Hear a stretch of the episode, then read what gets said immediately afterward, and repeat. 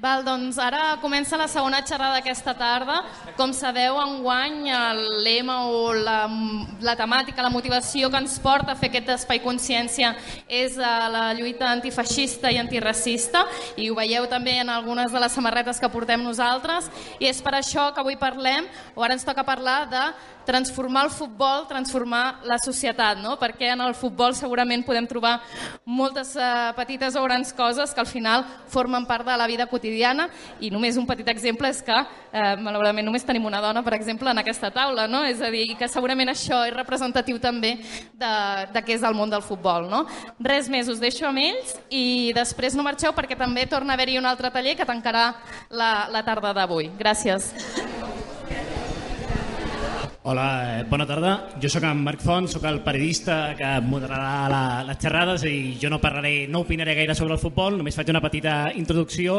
Aquests dies es parla molt de futbol, ja al Mundial, aquesta cosa que juguen estats, és a dir, ja té un component polític, agradi o no agradi, i això diu molt, ja, ja denota una certa ideologia quan segur que molts veiem partit de futbol del Barça, no? Eh, I és un futbol interessant des d'un punt de vista d'espectacle, però segurament amb poc compromís social. És un futbol negoci. Però el futbol, com qualsevol esport, té molts rostres, té moltes cares, i una, una d'elles és el compromís i la capacitat de transformar la societat. Aquí tenim quatre persones que, des d'àmbits diferents i des de vessants diversos, mm, contribueixen a aquest compromís eh, reuneixen aquest compromís per transformar la societat i que alhora estan vinculats al, al futbol. Per fer-ho una mica més distrets, us veig a, a tothom molt, molt callats, molt tranquils. Jo els presentaré, el que us demano és que quan digui cada nom fem una mica així en plan espectacle futbolero, i quan digui el nom us aplaudiu i tal, en plan fer una mica show, perquè si no és una mica avorrit, no? Dic, comencem a, a la meva esquerra. Tots s'han volgut posar a la meva esquerra, de semblar que jo sigui el més de dretes de tot. Crec que no és així, però bé, ho, ho faig per... M'ha tocat pagar el pato. A la meva esquerra, no m'enrotllo més, hi ha, ha l'Andrea.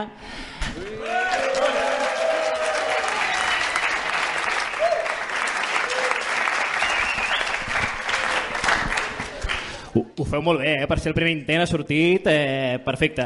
L'Andrea Porta, que l'Andrea és eh, futbolista, juga a l'Europa, que és un equip del barri de Gràcia, de, de la Vila de Gràcia, perdó, que el Carles em matarà, de la Vila de Gràcia de Barcelona. Eh, ara mateix juga a segona divisió, però l'Andrea va jugar en el passat fa uns anys a primera divisió amb el Levante Les Planes, un equip de Sant Joan d'Espí.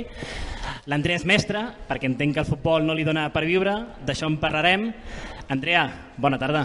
Bona tarda. Bueno, en primer lloc, voldria agrair la invitació. Eh, no vinc com a representant de, ni de l'Europa ni com a jugadora, sinó com a representant de, de com, com es viu sent dona eh, el futbol i, i l'esport en general. Així que moltes gràcies perquè puc donar veu a totes aquelles dones que lluitem cada dia per fer-nos un forat en, a, en aquest difícil món. No ho he dit, però pel que m'explica, l'Andrea juga al mig del camp i es veu que, que la toca bastant bé, que és una jugadora més aviat tècnica.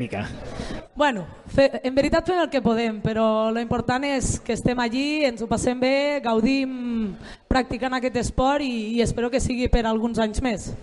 Al costat de l'Andrea hi ha l'Oleguer Preses, l'Oleguer és economista, el podeu aplaudir eh, també.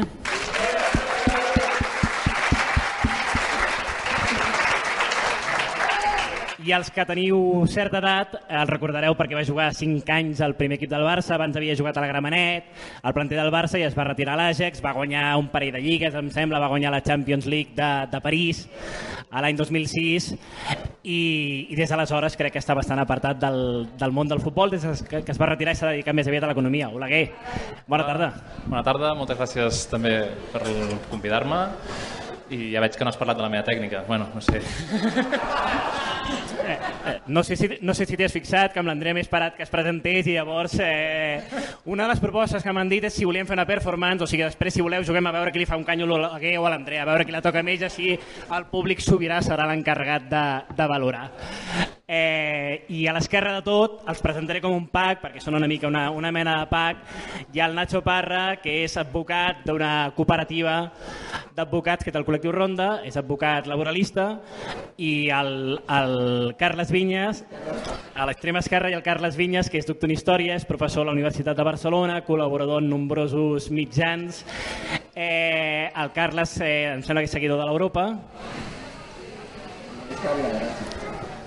És seguidor de l'Europa. El, el Nacho em sembla que és un ultra del, del Gramenet, de la, de la Gramenet.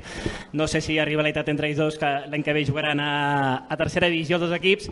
I els tenim aquí per, per moltes raons, eh, però sobretot perquè són els autors eh, d'un llibre que es diu Sant Pauli, un altre futbol és possible, que eh, relata la història i les peculiaritats d'un equip de, de futbol de la ciutat d'Hamburg, Alemanya, que és un equip que, que és antifeixista, és antiracista i és un equip professional, és a dir, és futbol d'elit, d'un nivell important, i que representa eh, o materialitza que les coses es poden fer d'una altra manera. Nacho, Carles, bona tarda i moltes gràcies per ser aquí també.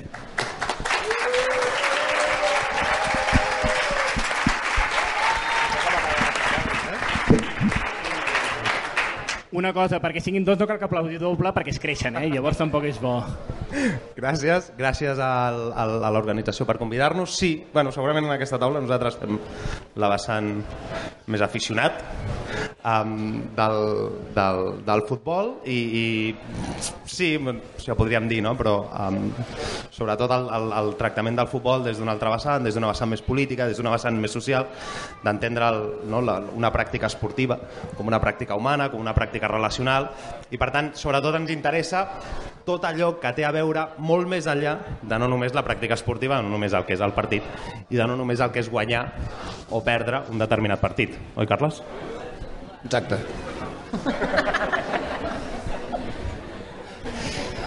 Del, em sap greu, però no puc parlar de la tècnica del Nacho i del Carles perquè no els he vist mai jugar. Diuen que també estan encantats d'apuntar-se a la performance dels canjos després, per tant ja ho podreu comprovar vosaltres mateixos. Eh, bromes a banda, comencem. Comencem per l'Andrea. Eh, ho deia una mica l'Anna, mm, només hi ha una dona a la, a la taula, la resta tots som, tots som homes. Eh, sí que és cert que cada cop hi ha més dones que juguen a futbol, però amb unes condicions que no tenen res a veure amb la que tenen els homes. És a dir, hi ha una, una cosa a la societat que, és la, que encara és evident, no? una, una discriminació en aquesta societat patriarcal en, en la que vivim, que és la bretxa salarial. Encara de mitjana el salari, el salari dels homes és molt més alt que el de les dones i això en el món del futbol professional es multiplica per, per mil. L'Andrea, si jugués a segona divisió en un equip masculí, tindria un sou molt per sobre de la mitjana d'un treballador i, en canvi, sent dona i jugant a segona divisió, no pot viure del futbol. Andrea, tu has cobrat mai per jugar a futbol? Eh, no. Has Ni, pagat? ni, ni quan jugava a primera divisió.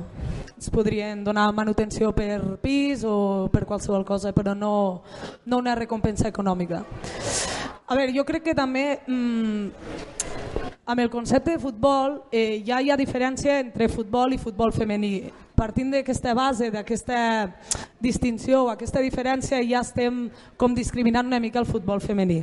Sí que és veritat que la bretxa salarial és, és, és molt gran i que també els salaris dels jugadors de primera divisió crec que també són desorbitats de primera o, o de segona mateix.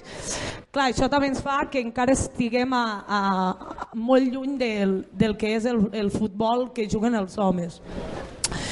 Clar, a vegades ho penso i dic, ostres, és com un peix que es mossega la cua, no? Eh, per què el futbol femení, l'esport en general eh, que practiquen les dones hi ha tanta diferència que és perquè els, els mitjans de comunicació no, no li donin prou bombo, no? No, no li donen prou de difusió i això fa que no generi interès a, a nivell de la societat o és al revés, no? que el poc interès de la societat fa que això eh, no generi interès als mitjans de comunicació. Aleshores, és una mica el peix que es mossega la cua.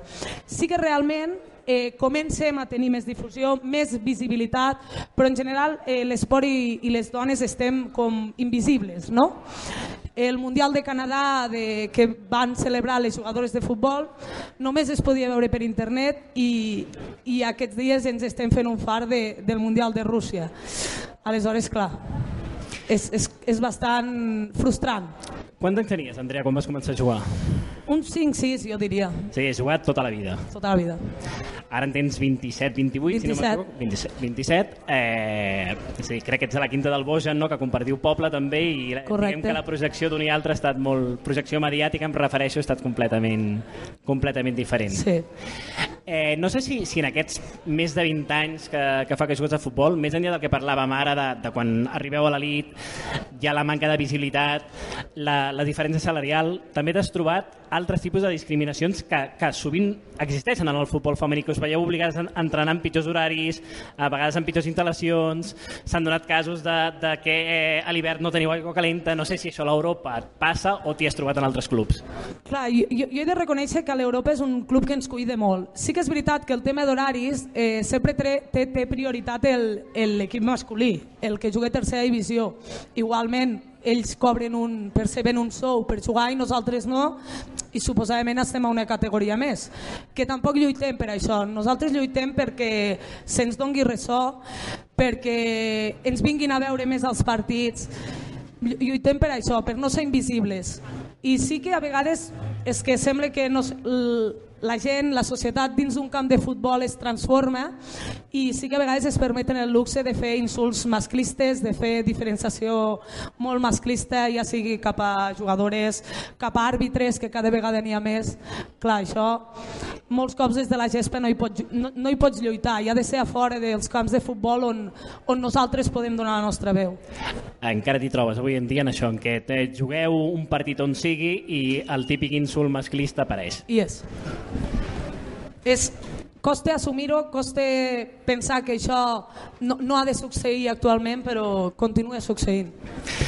Faig una mica un atraco. Eh, deia abans que tu, tu ets mestre, és la teva, la teva professió. Al cap i a la fi, l'educació segurament és l'eina més, més potent per, per combatre aquestes actituds masclistes. Eh, no sé si, si els teus alumnes tot i que crec que dones una, una assignatura tècnica, eh, no sé si els teus alumnes intentes incidir una mica també eh, en qüestions d'igualtat i en qüestions de, de no discriminar ningú en funció del gènere o de l'orientació sexual o del que sigui. Sí, la veritat és que sóc mestre de, de vocació, és el que m'agrada, inclús m'agrada més que jugar a futbol.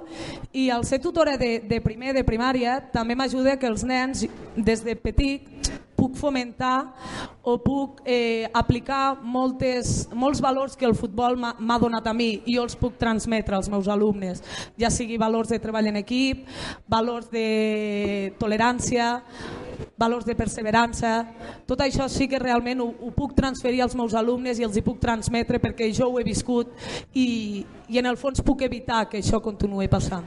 Valors de tolerància, dius, com, com, com et transmet la tolerància al món del futbol? Quan em deies fa un moment que, que encara avui quan jugueu un partit de l'Europa et trobes amb algun eh, mm, home eh, que professa eh, un insult simplement pel fet de ser dones. Clar, jo intento transmetre valors de, de respecte cap a l'altre gènere, valors de sí que tots som diferents però ens hem de tractar igual perquè al final tots som persones i mereixem un lloc en aquest món i, i això és el que intento transmetre, el, el que jo no voldria que els meus alumnes, els, els meus alumnes perdó, visquessin. Eh, tolerància, Oleguer, eh, és factible des de tu que has estat al primer nivell de, del futbol professional a un equip mm, d'un impacte mundial, segurament ara encara més de, que el que tenia a la teva època, que tot i així era evidentment molt, molt important com és el Barça. Consideres que eh, en aquest nivell el futbol hi ha tolerància o, o al cap i a la fi és un, és un negoci d'una dimensió tan, tan monumental que costa molt aixecar la veu i posicionar-se en qualsevol, en qualsevol tema que vagi més enllà del que passi en el terreny de joc? Bona pregunta. Uh, no, vull dir que, evidentment, o sigui, jo entenc el futbol no, com un espai de lluita més dins de la societat. No? És en el fons, el que passa en el món del futbol en el món del futbol és, uh, és un reflex de la societat que tenim. Llavors, vull dir, uh, tu des d'aquest àmbit pots intentar no, alçar la veu, intentar llançar missatges, intentar comportar-te de maneres diferents, però evidentment no, si no hi ha canvis a la societat no, és, és molt difícil canviar les coses no? i el mateix a l'inrevés no? si s'aconsegueix si, si, si canviar la societat segurament el futbol serà diferent no? llavors Vull dir que sí que tens la possibilitat, però estàs limitat, de, de, de, sent conscient de la influència que tens, no? perquè és un món absolutament mediatitzat, és un negoci, però això també a la vegada dona un altaveu. Llavors, per això també com a opció política jo decideixo no, donar la meva opinió i intentar donar veu no, a gent o col·lectius que, que entenia que, no està, que estaven silenciats en aquest moment. No? Llavors, mm, bueno, no? Vull dir que entenent aquest espai com de lluita entre cometes o de, de, de pugna no? per imposar uns models de societats diferents, doncs la meva opció va ser intentar doncs, això, no? és a dir, que, que la veu d'aquesta gent que sovint no està tan escoltada, doncs que, que es pogués eh, escoltar. És evident que, que quan jugues un equip com el Barça tens un, un focus permanent al, al damunt i el que deies és un, un altaveu i té, el, el que diguis o, el, o facis té un ressò totalment enorme a la teva època tu vas escriure algun article d'opinió que va generar un ressò important parlant de, del de Juan Chaos, un, un, un preseta i de, i de la justícia de l'estat de dret espanyol. També t'havies posicionat, aquí tenies amics, crec, amb el tema del cas Bemba, de la repressió als moviments socials de, de la teva ciutat, de Sabadell. Eh, però no sé si tens la... Evidentment tens aquesta, aquest altaveu que tu de tant en tant utilitzaves, però no sé si tens la sensació que al final, en gran part, és com una bombolla aïllada de la societat. Vull dir, al final sou gent molt jove, amb unes condicions materials eh, totalment, el que deia l'Andrea, totalment desconnectades de la realitat de la majoria de la població i a vegades costa, potser, vull dir, no sé si, si et pots sentir una mica sol quan, quan ets un futbolista amb compromís i, i implicat social i políticament a l'hora de posicionar-te pot, pot, pots dir, ostres, si opino tot el que en trauré serà complicar-me la vida. Bueno, a mi m'agrada veure-ho de manera diferent, no? És a, dir, si opines, tens la capacitat de que aquesta opinió arribi a moltíssima gent i que aquesta gent es pugui qüestionar coses que passen, no? És a dir, aquest article que dius de l'estat de dret és a dir, no sé quan el vaig escriure, però fa bastant temps que el vaig escriure. 2007. I si te'l rellegeixes ara, no? és a dir, parlem de l'estat de dret ara mateix i segurament no? et posa en un mirall i et fa reflexionar sobre moltes coses. No? Llavors, una mica l'objectiu o la idea que jo tenia en aquell moment i que segueixo tenint ara és dir, bueno, utilitzar aquesta sort que he tingut de poder arribar en un espai on puc eh, expressar la meva opinió lliurement doncs eh, l'expresso de manera com sóc, és a dir, jo no estic actuant en cap moment, però és a dir, jo sóc així i el que sí que no faré és dir, com que aquí és un lloc on que si dius les coses que, que, que tothom vol no passa res, però si dones una veu una mica crítica generes una mica de,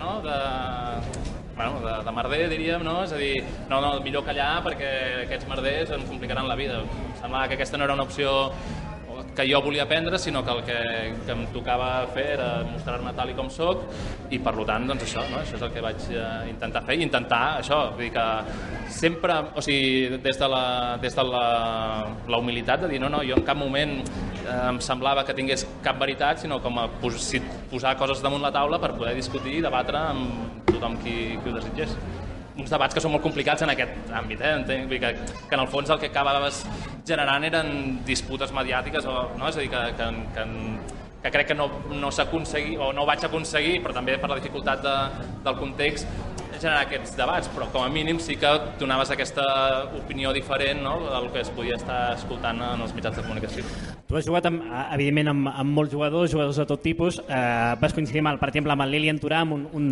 defensa francès que fa, fa temps que està retirat, que és una persona molt compromesa amb el tema del, en la lluita contra el racisme, per exemple. Vull dir, no sé si, si amb alguns companys eh, teníeu debats de, de cert tipus i com a mínim aquest missatge comú bàsic, al cap i a la fi en un equip de futbol eh, com el Barça sempre hi ha gent amb, que té el color, el color de la pell diferent, aquest valor mínim de tolerància suposo que no deu ser complicat trobar-lo com a mínim en el, en el grup humà, no? Sí, això m'he descuidat abans, no? O sigui, parlaves això, no? que si et trobes molt sol.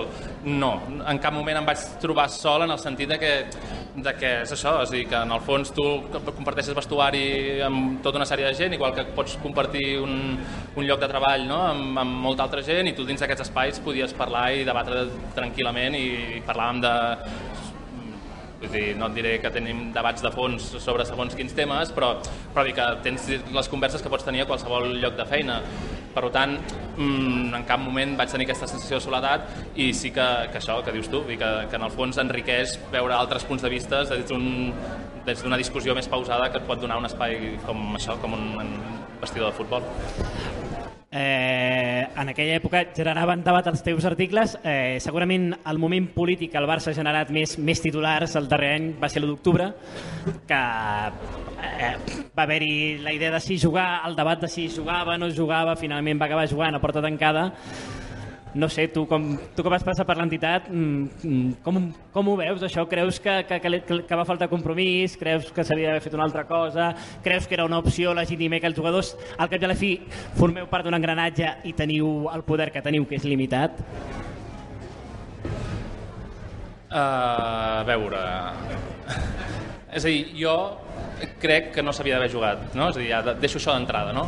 Però també em o sigui, em costa entrar en aquest tipus de joc que és opinar des de fora quan no saps qui, què s'ha produït, no? És a dir, qui, qui, a l'interior, no? És a dir, eh, tampoc he llegit no? que si van ser els jugadors, que si va ser el, el, el president, que si va ser no sé qui, si no sé quina va ser la realitat del moment per prendre aquestes decisions i entenc la complexitat d'aquestes decisions. Per tant, és a dir, jo, no, és dir, participant no, de la mobilització de l'octubre i veient una mica el que s'estava generant, veient el que estava passant, home, crec que calia no, una resposta clara i contundent de, de, de, de mostrar un rebuig contra l'actuació policial que ja estava, ja estava havent.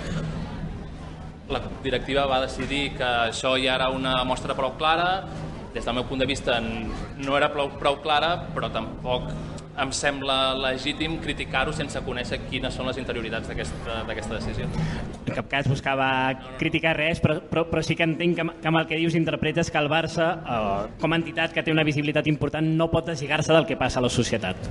Sense cap mena de dubte, sí, sí. Doncs era, era aquesta la, la reflexió que, que buscava. Nacho, Carles, eh, segurament aquí molta gent eh, coneix el Sant Pauli, però molta gent no el coneix. Vosaltres que n'heu fet un llibre, que sou una mica friquis del, del tema, que esteu, sobretot el Carles, tot el dia a Twitter parlant del calendari del Sant Pauli, de contra qui jugarà, del resultat de l'últim partit, eh, expliqueu una mica grans trets. Què és el que fa al Sant Pauli un equip tan, tan peculiar, amb tanta personalitat i que gent de tot el món tingui samarretes de suadores, el tingui com a referent, vulguin a veure un partit a, al barri d'Hamburg on juga, al barri portuari on juga, què, què el fa diferent? Eh, bona tarda a tots i totes. Eh, el que fa diferent al Sant Pauli és que no guanya. De fet, amb el tour de presentacions que hem fet, ens hem adonat que és probablement l'únic club de futbol que té seguidors que no els agrada el futbol però que són del Sant Pauli pel seu posicionament social i polític, cosa que té molt mèrit. Clar, un equip que mai ha guanyat res, que no ha arribat mai a cap final, ni ha disputat cap títol, i té a tot el món 20 milions de seguidors, i 11 a Alemanya, i més de 500 penyes de tot el món, normalment la gent està a l'equip que guanya, no? Chelsea, uns que van de blanc, eh, bueno, equips que guanyen, no? Eh, i en canvi... Quina selecció és aquesta que va de blanc, ara, ara que, que hi ha el Mundial? Panamà, la segona Panamà. crec ah. que van de blanc. No sé si guanyen molt tampoc, eh? Però van celebrar molt, això sí.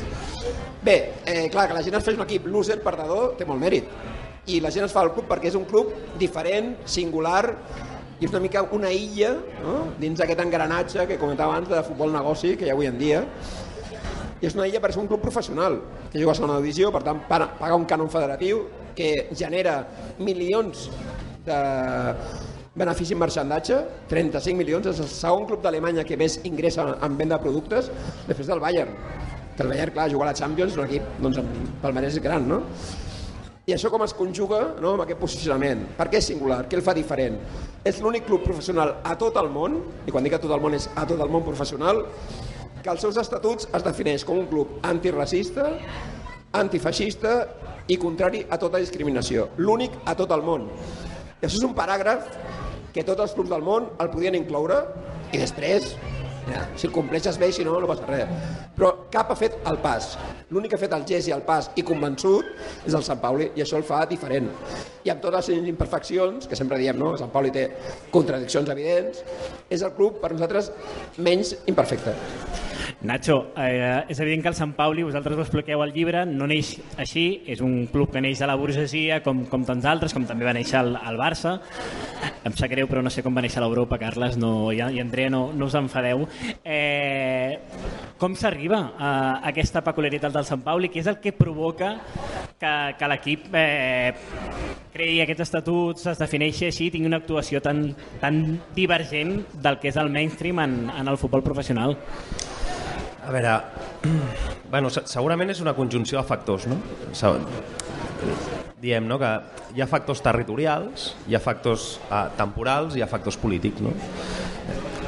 És difícil entendre el, la, la, la, la, no la creació però sí la transformació d'un determinat club de futbol si, si, ho mirem de, si ho mirem des de les distàncies sense prendre en consideració tots els elements que n'hi ha. No? Llavors, clar, un, un element territorial és, és, és molt clar. No? És, un, és un equip radicat al, al barri roig d'Hamburg, que és el barri, doncs, el barri obrer, barri que va absorbir gran part de la immigració, tant des de principis de segle com després posteriorment per treballar a les drassanes. Era el barri que després de Whitechapel a Londres tenia l'índex de, de delinqüència més gran. Um, era també el, el, el barri cultural, no? on, on, on, on, on existien no? gran part dels, dels, de, de, de les escenes, no? dels espais culturals i musicals, sobretot, d'aquella època. I era també el, el, el barri roig en el sentit que era el barri on es practicava la prostitució. No? De fet, durant el Tercer Reich és l'únic espai d'Alemanya on d'alguna manera és tolerada o és tolerat l'exercici de la prostitució. No? Llavors, clar, tenim un, un, un, un context territorial molt concret Després un, un context temporal que estem parlant de que tota aquesta transformació succeeix a principis de la dècada dels 80. No? Llavors tenim l'eclusió segurament a Alemanya de dos moviments molt importants, o a tres moviments. No? Hi ha un moviment ecologista bàsic, fonamental, dins d'Alemanya. De fet, Alemanya és, és, bueno, és el, el, el primer país no? on, on acaben cristal·litzant opcions polítiques de, de, de partits verds. No? I justament a una localitat molt propera, doncs en aquell moment s'estava fent una, s'estava construint una central nuclear que va generar un rebuig molt, molt important. I després tenim també una emergència fonamental del moviment eh, autònom i del moviment Ocupa. El, el, el, concretament el barri de Sant Pauli és un dels epicentres de tot el moviment de l'ocupació, jo no diríem d'Alemanya, juntament amb Berlín, sinó segurament de tota Europa i en, en, en tot aquest context hi ha un grup de gent que li agrada el futbol i que segurament entén el futbol com nosaltres l'entenem ara, com un espai d'esbarjo, però no només un espai d'esbarjo, sinó alguna cosa més, és a dir, un espai també de transformació. Però trenca amb aquest mite de, de certa esquerra de que el futbol és l'obvi del poble i bla, bla, bla. Efectivament, segurament, sí, segurament va ser, va ser bueno, un, un grup pioner en aquest sentit.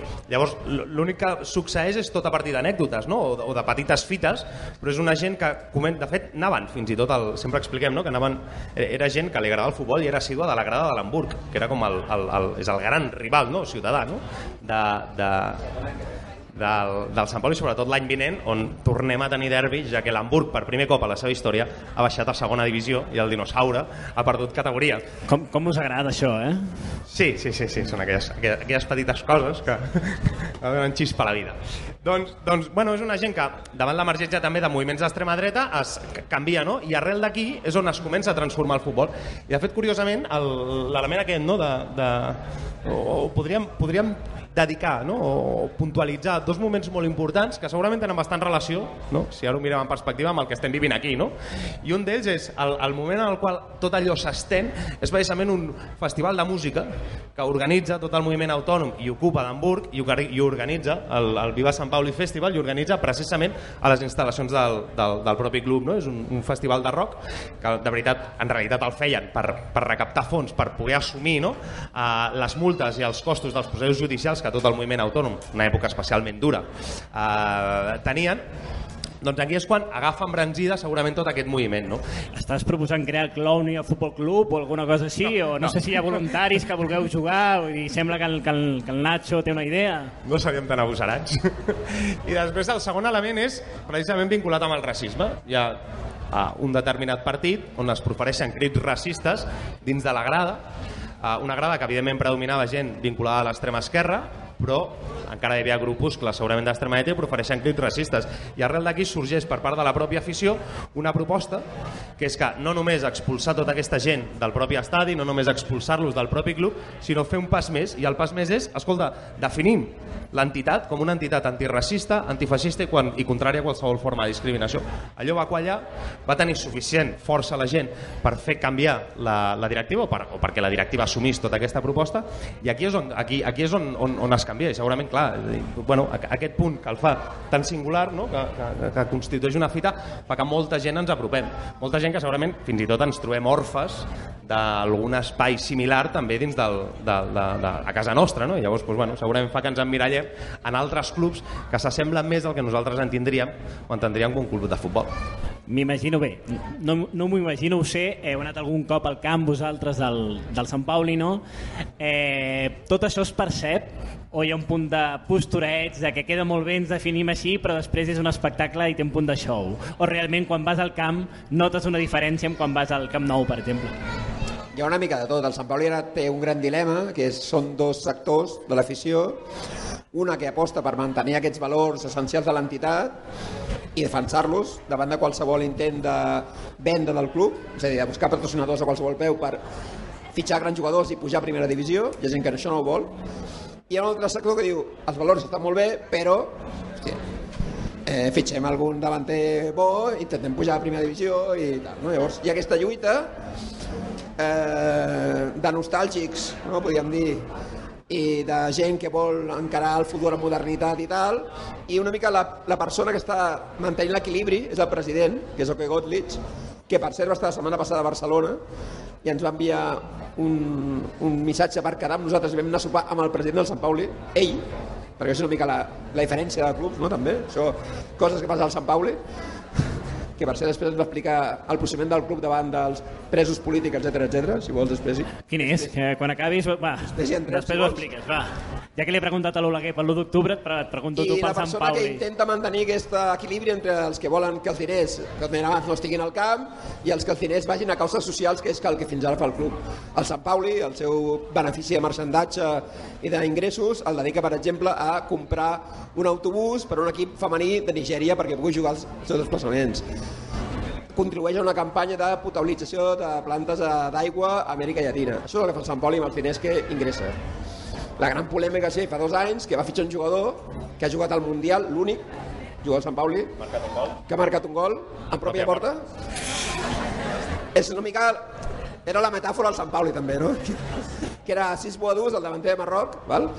Eh, que va costar 4 milions i mig. I això, dins dels diners, que és, no, és poc, podríem dir, però clar, va crear una gran polèmica al club de si era necessari gastar-se diners a un jugador. Perquè la premissa ja no és guanyar, és participar i l'orgull de la gent és que el club sigui el club del barri. Guanyi o perdi. És un club, club de barri global, per això s'ha convertit, perquè al cap de la fi vosaltres no sou precisament del barri de Sant Pauli. Colaria una mica, no? Tu potser sí, el Nacho no gaire, eh? però, però bé. Eh, amb l'Oleguer comentàvem que, que un equip com el Barça no pot estar deslligat del que passa a la societat.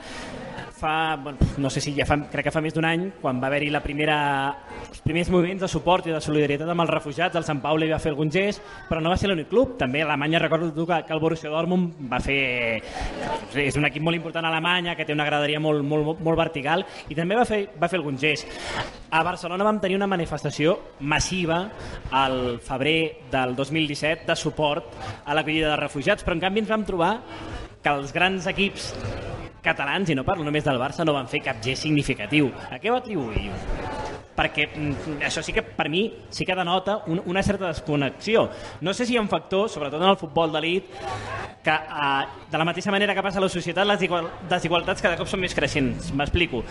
Cada cop és més car el futbol d'elit i segurament la gent que va al futbol d'elit tampoc representa el, el, el conjunt de la societat, cosa que no vol dir que molts aficionats estiguin al bar mirant el futbol o a casa seva. Jo, jo és que crec que el futbol és un reflex de la societat. No?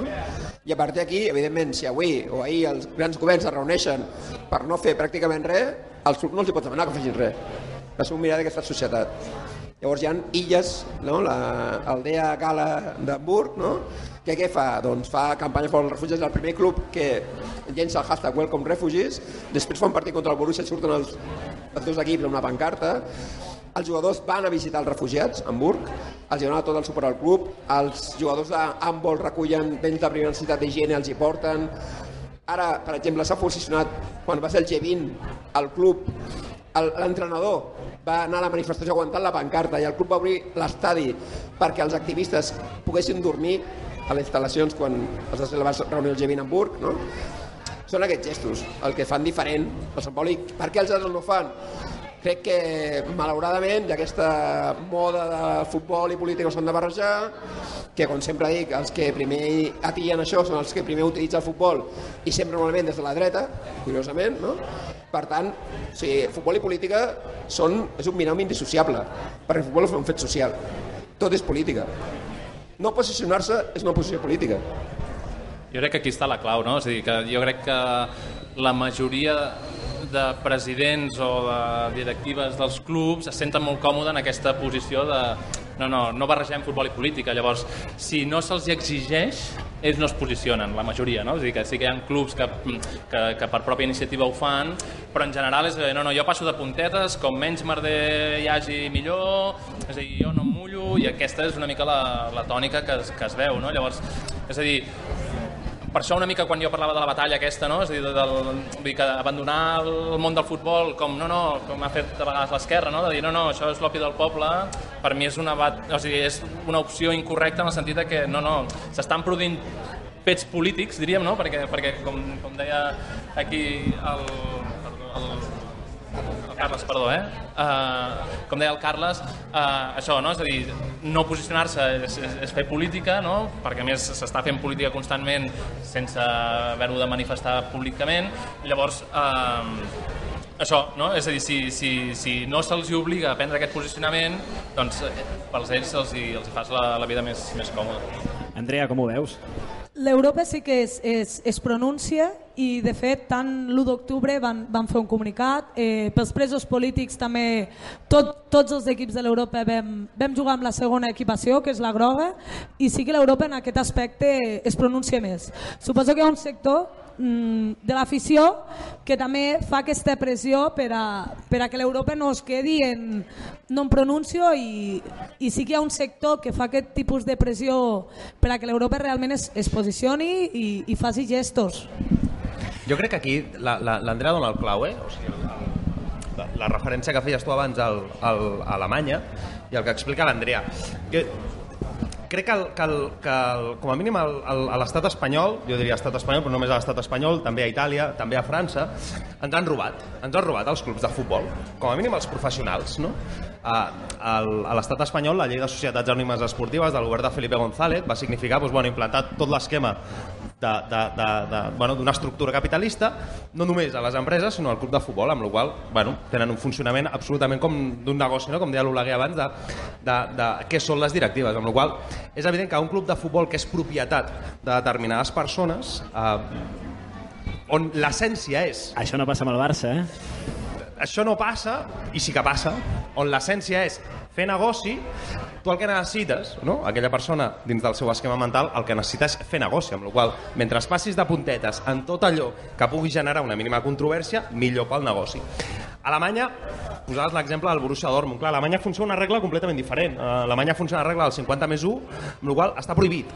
Està prohibit per norma, per llei, que els clubs quedin en mans privades, en mans d'empreses, en mans de grans propietaris, en, gran, en, en mans de grans tenidors, llevat el, el, el Wolfsburg, que, que, que és propietat de, la Volkswagen, perquè ja neix així, el Bayer Leverkusen, que és propietat de la Bayer, perquè ja d'origen neix així, i ara hi ha una petita discussió, eh, una discussió més aviat jurídica, amb el, amb el Red Bull Leipzig, um, que és propietat del Red Bull, bueno, malgrat que fan bueno, allò una triquinyuela jurídica per, per, per poder salvar-se. No? Clar, allò significa que la pròpia afició apreta la pròpia afició apreta. I quan la pròpia afició apreta, vull dir, a tu no et queda més marge que, evidentment, en aquest cas, posicionar-te a favor d'allò, no? És, és, és, és, és simptomàtic i significatiu, per exemple, també veure com Alemanya el posicionament antiracista més enllà eh, d'altres no, no, vessants no, més, més a l'extrema esquerra no, o del, posicionament en, del posicionament en altres, en altres elements, no? però hi ha un posicionament antiracista que jo crec que és molt majoritari dins de gran part de les aficions. Uns posicionaments, i dels clubs, uns posicionaments que no es produeixen aquí, més enllà d'alguna afició i algun cas puntual, però evidentment com a clubs no. Jo crec que, explicava l'Andrea Ostres, a l'Europa això no passa, evidentment, al Júpiter tampoc passa, i altres clubs, clubs, no societats anònimes esportives, evidentment evidentment no passa. Per què? Pues, bueno, segurament perquè encara estan en mans o encara poden estar controlats per part de l'afició. Que evidentment, com tu deies, si a Barcelona va haver-hi la manifestació més gran de, a favor dels refugiats de tota Europa, allò hauria d'haver tingut un mínim reflexe, evidentment, dins dels, dins dels propis clubs de futbol i no els va tenir, o dels principals clubs de futbol, i evidentment no els va tenir. Andrea, 8 de març, eh, i no només 8 de març, estem en una època que, en què afortunadament hi ha un boom, en el bon sentit del terme, del, del feminisme brutal.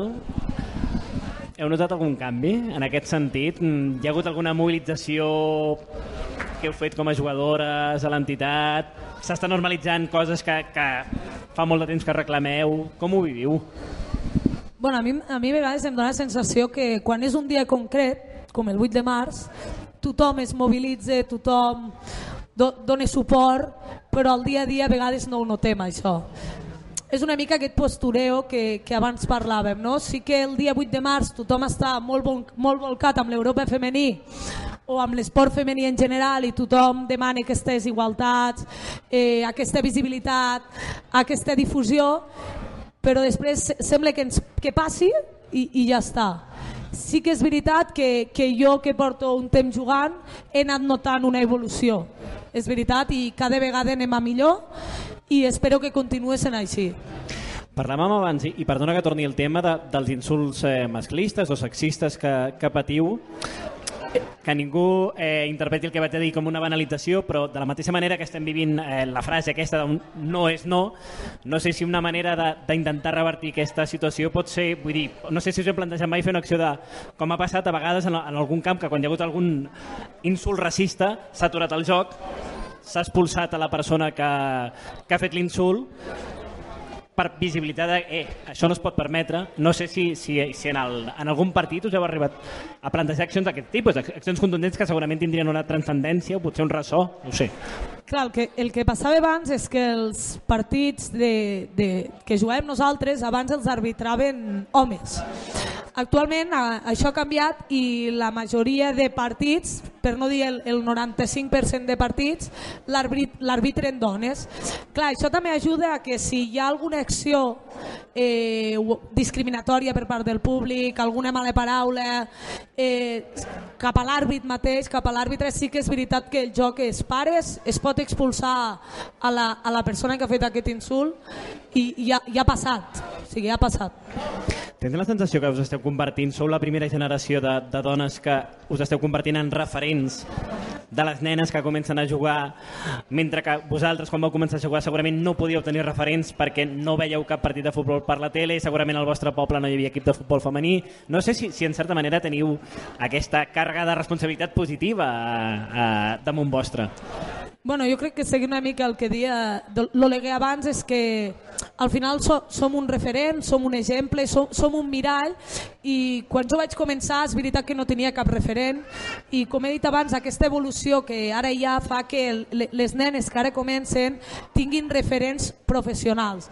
És veritat que la primera divisió femenina s'està professionalitzant bastant i, i això és una evolució ja, perquè abans això no passava i ara aquestes nenes tenen aquest referent, tenen un mirall, tenen a, a, a qui voler semblar-se, a qui voler seguir-la. Eh, en aquest cas, tant, tant l'Oleguer com, com l'Andrea, vosaltres abans d'arribar al primer nivell, evidentment vau, vau jugar en equips de, de, de benjamins, alevins, eh, infantils, molts anys a la base. Jo vaig entrenar molts anys equip de nens i em trobava moltes vegades problemes a la graderia amb l'actitud de, dels familiars, de molts insults, que s'havia de fer molta pedagogia per no transmetre determinats valors. A vegades també no sé si, si teníem la sensació que es transmetia una competitivitat excessiva, que podia ser també contraproduent, que anava en contra d'aquest d'aquest treball en equip, d'aquest, escolta, vale, sí, ens agrada guanyar, però, però el futbol, sobretot de base, ha de ser altres coses. No sé si amb això també heu notat una, una evolució, un canvi, més a la línia del, del que creieu que ha d'anar a la societat. És que l'Oleguer diu que no mira futbol base. Eh, Oh, i, I fa molts anys que, que, que, que, que, sí que el va és deixar. que la Federació Catalana de Futbol fa campanyes per a aquest joc net Eh, jo crec que és el que dies abans, aquesta... no només hem de s'ha d'entrenar a nens i nenes, sinó a vegades també hem d'entrenar una mica als pares o, o transmetre els valors que el propi entrenador o entrenadora està, està intentant transmetre. Jo crec que això també és una lluita. Jo, jo no he estat mai de- d'entrenadora, no, no, no, no puc saber-ho tampoc, No t'hi veus? no tinc temps. Però sí que és veritat que, que suposo que molts entrenadors i entrenadores de, de futbol base eh, no només treballen de, de cara als nens i nenes, sinó també de, de cara als, als pares i mares. Oleguer. No, no, això que, vull que li comentava a l'Andrea, que, que, que realment fa molt temps que no veig futbol base, per tant no puc avaluar canvis que hi ha hagut, però a nivell d'exemple, vull dir, a nivell no, que serveixi d'exemple, diríem vull dir que els meus pares van venir a veure'm un dia al futbol, van sentir tots els insults que es deien en els jugadors, en els àrbitres, no sé què, i no van tornar mai més a veure un partit de futbol eh, fins que vaig arribar al primer equip del Barça. Vull dir que, que realment és... Vull dir que, que, o sigui, que realment jo crec que sí que són conductes que s'han d'erradicar, estic d'acord en que sí que hi ha, em dóna la sensació no? que s'estan prenent mesures, però segurament no, crec que, que això, no? és dir, que es podria ser bastant més dràstic no? eh, en el sentit de, de que hi ha certes conductes que no es poden tolerar i que no s'han de tolerar i, i això, no? És a dir, a vegades dona la sensació, no? És dir, que, que el joc passa per davant de tot, no? És no, no, bueno, això ja ho farem constar l'acte, això ja no sé què, no? Llavors, bueno, no? l'acte, qui paga la multa, la paga el club, per tant, el, no? el, els aficionats que han tingut aquesta conducta no, no se'n veuen repercutits, no? Llavors, vull que no sé, que hem de pensar no? en me mecanismes que, que, que realment eh, erradiquin aquest tipus de conductes d'arrel no? en tots els camps de futbol. És que una de les coses que, eh, una, una de les coses que heu coincidit tots és, heu, és en dir que, que el futbol no deixa de ser un reflecte de la societat i seguim veient moltes actituds violentes al, al camp de futbol, no sé si fins i tot més de les que veiem a la societat. No sé si a vegades hi ha un punt de, de, de canalització, de treure-ho tot d'una manera, evidentment, errònia, absurda, eh, inacceptable en un camp de futbol. Sí, jo sí, sí que vaig llegir en algun llibre no? que, que realment l'espai de, no, de les graderies, no, el futbol, és com un espai on, es, on, hi ha cert, on dona aquesta sensació de més tolerància no, amb actituds que a vegades en altres espais no es permet. No? Llavors, per això jo crec que erradicar, no, o prendre mesures per erradi- erradicar aquest tipus d'actituds és fonamental no, per, per, perquè no hi hagi aquesta visió d'impunitat una mica, no, que hi ha una massa que es manifesta i fa i no sé què i ningú és responsable d'això, no? És a dir, hi ha, no? és a dir, intentar anar directament a, a buscar aquestes responsabilitats. No sé. Sí, no, clar, jo tinc molt clar que no s'erradicarà el racisme al futbol si hi ha racisme a la societat. No s'erradicarà l'homofòbia al futbol si hi ha homofòbia a la societat. Això està clar. Per tant, qui pretengui això és, és autoenganyar-se. Per altra banda, volia fer uns apunts, més que això, el que deia l'Andrea, no? El dia puntual, el 8 de març o ahir el 28J, tal, mm, jo crec que és el dia a dia. I el dia a dia ha gestos que són molt més importants que campanyes institucionals. Per exemple, que la selecció Dinamarca masculina es rebaixi el sou per igualar-se el salari de la femenina em sembla un gest molt important. I crec que ho ha fet Noruega, també, no? I Noruega també. I per tant, si algú està orfe de selecció a part de Rússia, doncs pot seguir Dinamarca.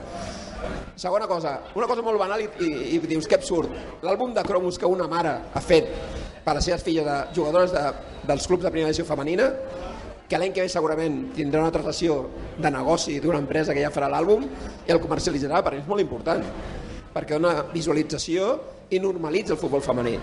I l'altre punt que volia fer-li a l'Andrea una pregunta, que aquí tenim sempre controvèrsia, és si tu jugues a futbol femení o futbol en categoria femenina. Que crec que és important el matís i no el tenim molt en compte.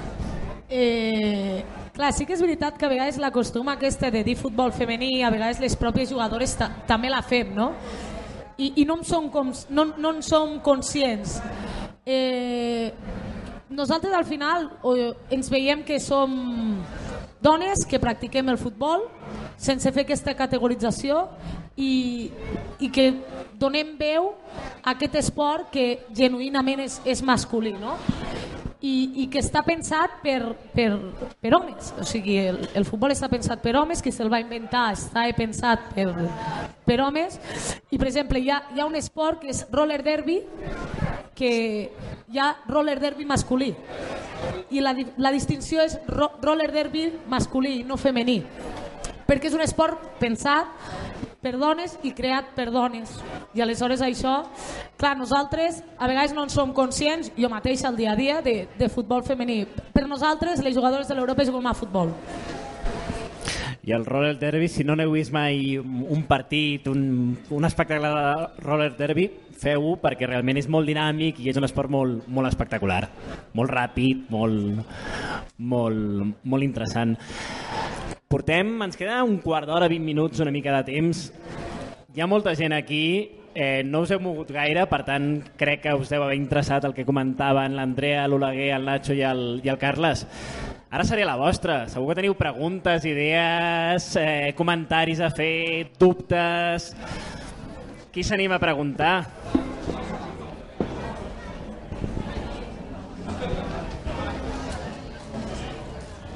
Bones, jo primer em presento, sóc el secretari tècnic del futbol d'aquí Sant Joan, treballava en Mainada, treballava amb molts nens, jo sí que vaig futbol mm, eh, de formació cada setmana.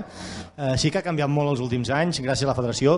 També crec que ha canviat molt el tema femení, les campanyes d'aquest últim any ha estat eh, collonuda i està entrenant, t'ajuden molt a poder tenir futbol femení. Nosaltres hem tingut un equip aquest any gràcies a la federació, ho hem de dir així de clar però sí que és veritat que tot el que esteu parlant és collonut, però el problema és la base. O sigui, que et trobes amb nanos amb categoria aficionat com estarem nosaltres que estem a segona catalana o amb nanos que venen pares primer que es pensen que tenen messis això és un drama, però un drama. O sigui, el, fet, el fet de pagar el que es paga a primera divisió és un, un drama Mm, mm, sí, el nen juga per jugar i s'ho passa bé i l'il·lusió és que s'ho passi bé que arribi algun dia ja hi arribarà si toca no cal que el pressionem, que li posem coses a sobre i això et deriva en que quan anem al camp, àrbit fill de puta àrbit no sé què, ve d'aquesta frustració que moltes vegades tenim amb el nostre fill perquè vulgui arribar on hagi d'arribar només era això, eh? Vull dir que el futbol femení eh, tira endavant, tira endavant eh, és un drama no que, no que paguem cop, que cobrin poc que també, el drama és que cobrin tant els altres aquest és el gran drama. I això es traspassa a totes les categories, va baixant cap avall i en genera aquesta frustració de la societat amb molts pares, generalitzo molt, però molts pares que et genera aquest, aquesta impotència, eh, aquest, aquest mal jugar, aquest mal saber, mm, però moltes vegades ve d'això, no? de, de, de que veiem els grans agruadors, ens pensen que ens han de solucionar la vida i això traspassem moltes frustracions de pares amb els nens i això genera tot un seguit de coses, entre altres la violència, sobretot verbal. Per sort la física està pràcticament erradicada. No és això. Això que deies de la desigualtat, eh, per mi també encaixa una mica, no sé com ho veieu vosaltres, eh, amb, precisament amb el reflecte de la societat, no? Vull dir, vivim en una societat que és molt desigual a nivell econòmic, on eh, les fortunes més elevades cada cop ho són més, mentre la majoria de la població cada cop té unes condicions més, més precaritzades de, de, de, de vida. No sé si l'Oleguer, que és economista, creu que el futbol, en certa manera, també reflecteix la societat en això, no? Desigualtats creixents, eh, una elit molt ben establerta que cada cop és més gran, mentre que la resta va, va, va sobrevivint com va, com va podent.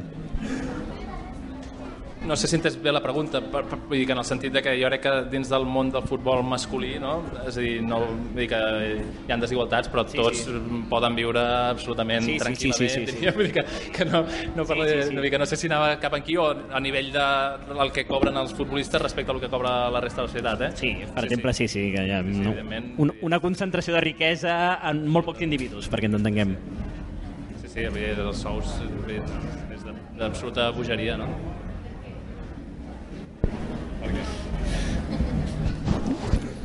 Jo com a, a jugadora de l'Europa o, o, o dona que juga a futbol, jo crec que és el que és, deia una mica abans, no? aquest peix que es mossega la cua, que és el poc interès que fa que no sortim als mitjans.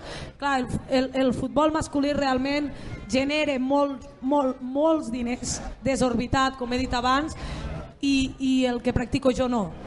Clar, mmm, no, no sé ben bé per què. Suposo que, que és veritat que, que les dones hem començat a jugar a futbol més tard i, el, i els homes molt més abans. No sé com estarem d'aquí uns anys, però sí que és veritat que a nivell de repercussió eh, dels mitjans de comunicació, si eh, poden dedicar dos, tres minuts als, als telediaris a, a això o mitja pàgina d'un diari i, i el futbol masculí no. Suposo que és una mica aquest peix que es mossega la cua que no sé com sortirem d'aquest espiral tampoc, o sigui... Tu mentre estan culpa els periodistes que sempre tenim la culpa de tot. Ja va sí, bé, ja va bé. Uh, Andrea, normalment uh, en un partit de l'Europa quanta gent us ve veure? Carles. Femení. 80? 80, 100, depèn, els, si juguem contra el Barça venen 150, 80 100 i del, del masculí que està en una categoria inferior? Eh, no, partit, Sant Andreu, 1.200, 1.300, 1.200, 1.300, partit normal, sense entrés de derbi, 700, 600, poqueta gent. o sigui 10 vegades més, més o menys per això aproximadament.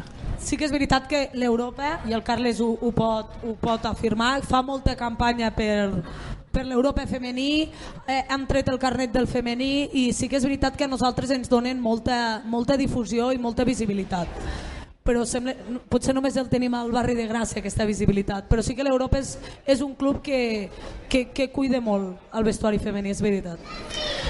més preguntes?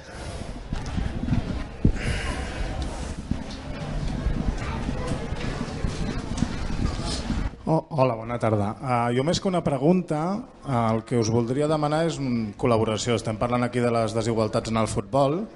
Ara, la setmana passada, va haver-hi a Barcelona uh, la primera trobada de l'Street Soccer Barcelona, que és un projecte que ve des de uh, Bèlgica, on eh, la gent que està al carrer és, eh, eh, creen equips vale, que els grans equips de, de Bèlgica com l'Anderlecht, Malines, etc eh, els adopten per entendre'ns. Vull dir, ag- agafen un, un equip d'aquests i llavors es fa una lliga amb, doncs com si fos una primera divisió espanyola on cada equip de primera tindria un representant amb gent de, del carrer. I llavors ara això s'està començant a fer a, a Barcelona. S'està iniciant el projecte a Bèlgica hi ha jugadors fins i tot que han estat mundialistes que donen suport en aquesta iniciativa i res, vosaltres que sou periodistes i tu la ets eh, economista i que eh, bueno, si després us interessa us puc passar el contacte de la persona que ho porta o si podeu donar un cop de mà que això es doni a conèixer perquè és, bueno, és una feina que es fa a nivell de carrer i és una oportunitat que es dona en aquest, tot aquest col·lectiu que dorm al carrer, etc etc. Gràcies. Anna, Anna, Anna aquí una noia sí. no.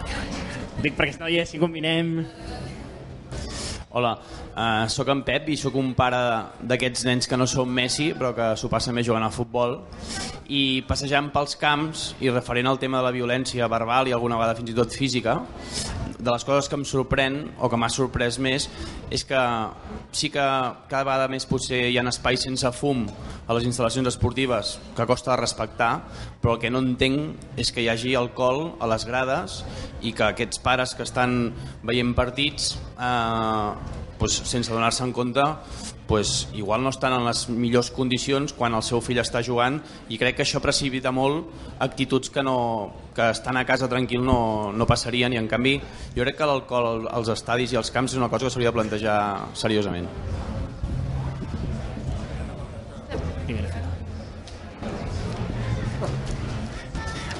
Intentem agrupar dos o tres preguntes i després que comentin de cop. Eh, hola, eh, jo a mi m'agrada- m'agradaria plan- plantejar, uh, plantejar el tema de...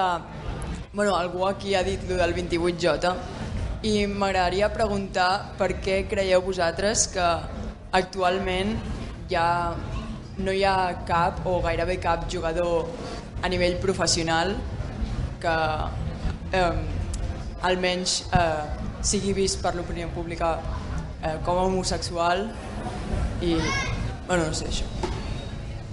Crec que n'hi havia un altre.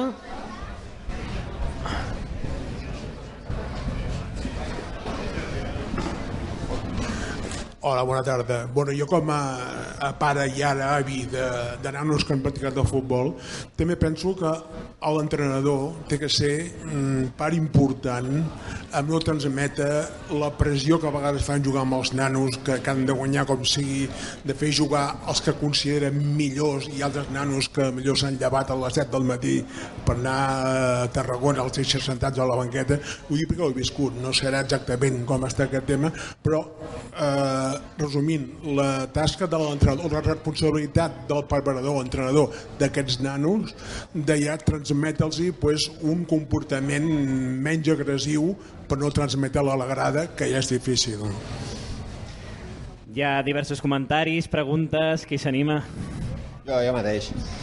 El tema de l'alcohol va perfecte perquè justament ahir la UEFA ha tornat a introduir l'alcohol als partits de Champions League. L'any que ve, els partits de Champions, es pot tornar a consumir alcohol als estadis.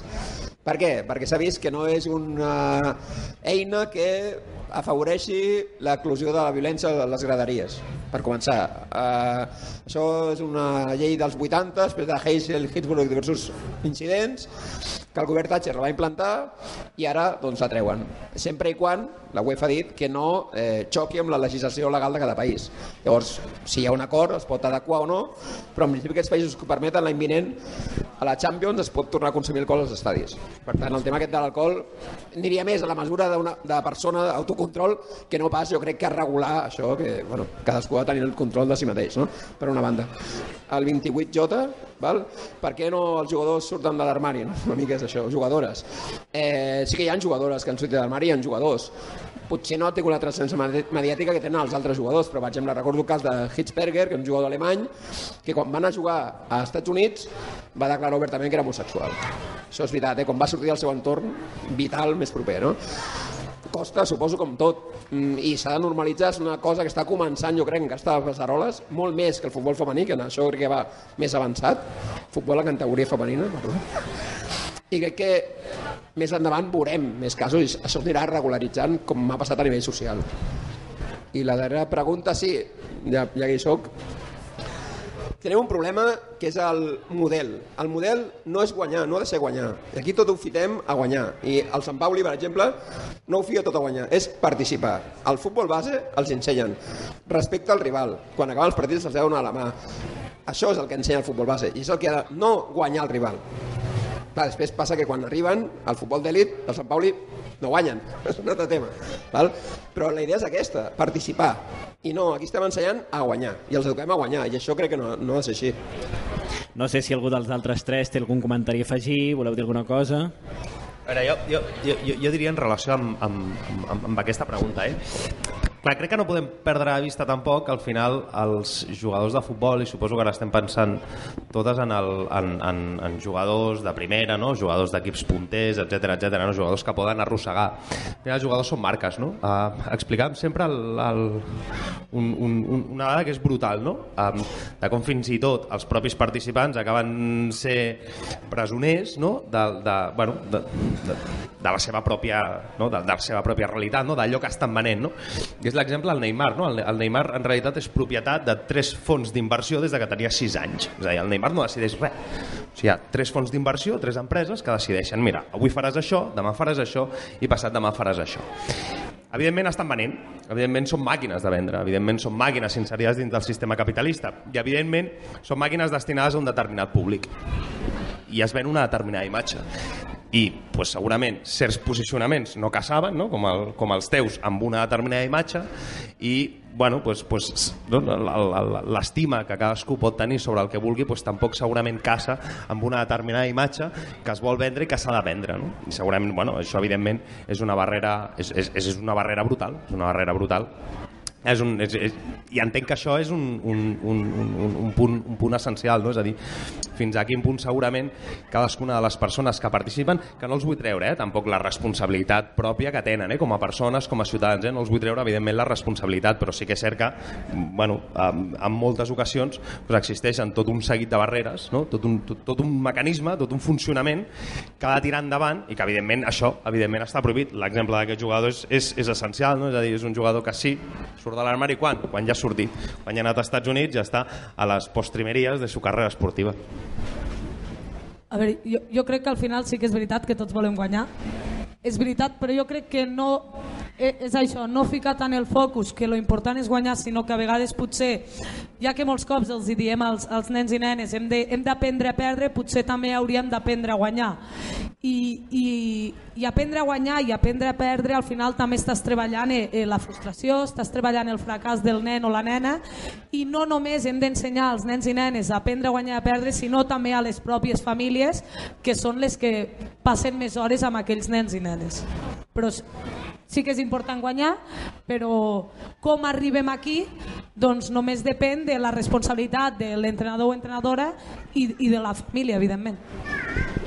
Però, segur, perdó, sí, segurament també hi ha la filosofia de club, no? És a dir, bé, que jo, en el sentit de que, dir, que, que un entrenador pot tenir aquesta visió, que jo eh, que comparteixo absolutament, eh? però, però a vegades és el, el club és de, no, no, però que no em baixi de categoria aquest equip, perquè si no l'any que ve no sé què, o que no, aquest equip, dir, que, que, que són, din, o sigui, són estructures molt complexes que, que a poc a poc hem d'anar canviant, no? és a dir, amb aquesta mentalitat que s'està comentant aquí i intentar anar incorporant aquesta visió de, de, de, de, de, com, com deia l'Andrea, no? de sí, sí, sí, volem guanyar, tots volem guanyar, però en un partit hi ha dos equips i un guanya i un perd, per tant hem de saber guanyar i hem de saber perdre i hem de saber tractar totes aquestes emocions i hem de saber no, com canalitzar-les i, i tot aquest és un treball de fons que entenc que s'ha d'anar fent, incorporant dins el, el futbol formatiu. Faig una mica la falca, hem de substituir una mica la competitivitat per la cooperació també en el món del futbol, no? Dins l'equip és imprescindible, o sigui, que jo crec que això vull dir que a vegades es, des- no, so- sobretot a nivell mediàtic no, es destaquen molt les individualitats i, i jo crec que perquè un equip funcioni eh, hi ha d'existir aquest cooperativisme, hi ha d'existir aquest eh, treball en equip i tan important és el que juga tots els minuts com el que n'ha jugat dos o el que no n'ha jugat, diríem, no? Vull dir que, que, i això vull dir, està comprovat perquè cada jugador aporta coses diferents, positives o negatives. A vegades tens algun jugador no, que realment no, contamina la dinàmica de l'equip i costa molt no, que l'equip funcioni perquè tens un potser és molt difícil, però tens un parell o tres de jugadors no, que, que, que, que, que, que dificulten aquest uh, joc cooperatiu. Met intervencions del públic. Primera fila, segur que hi ha molta gent que juga a futbol aquí o que ha jugat a futbol. Que algú s'animi a comentar la seva experiència, a explicar alguna cosa, a comparar... Hola, bona tarda. Mira, jo sóc pare de, de dos nanos, un de quasi 17 anys que juga a futbol i una nena que fa atletisme, de quasi, quasi 14 anys. Amb el món de l'atletisme, en els entrenaments, els nanos estan barrejats, fan els mateixos entrenaments tots alhora. Amb el món del futbol, per la que jo conec, fins categoria a la 20, els equips poden combinar equips mixtes. A partir d'infantils els separen. Aleshores, per què en una societat en què intentem integrar tots els nanos homes i dones a les mateixes classes a les escoles, als mateixos llocs de treballs, perquè en el món del futbol, a les competicions ja a partir de certes edats, al final se'ls separa. Com veuríeu que en un equip de categories professionals inclús hi hagués, per exemple, equips que hi hagués un mínim, per exemple, de tres dones, quatre dones a tots els equips per, per obligació, per reglament de federació i que els partits fossin així. Hi havia una altra pregunta allà darrere, crec, i contesteu perquè això personalment trobo que aquesta aportació que fa obre un, un debat com a mínim interessant. Bueno, jo volia donar una opinió com a àrbit i volia parlar del respecte. Que el respecte principalment, no sé si estareu d'acord, i és que es falla a la grada. Perquè partits que sí la grada no diu res, els partits no escalfen. A la grada comença a cridar i tal, els partits escalfen.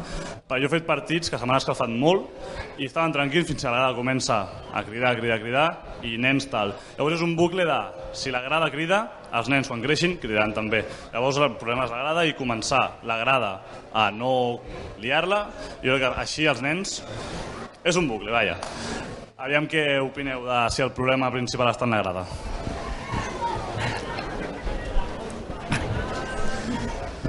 Començaré per tu, vale? que ja que ets l'únic que està en actiu... Bé, jo volia comentar que s'ha parlat del tema del futbol femení amb la Laura, però és a dir, i la poca repercussió que hi ha als mitjans de comunicació, però també hi ha un fet que és verídic, que és que en periodisme esportiu predominen molt més els homes, o potser els periodistes més visibles són homes i no hi ha tantes dones també.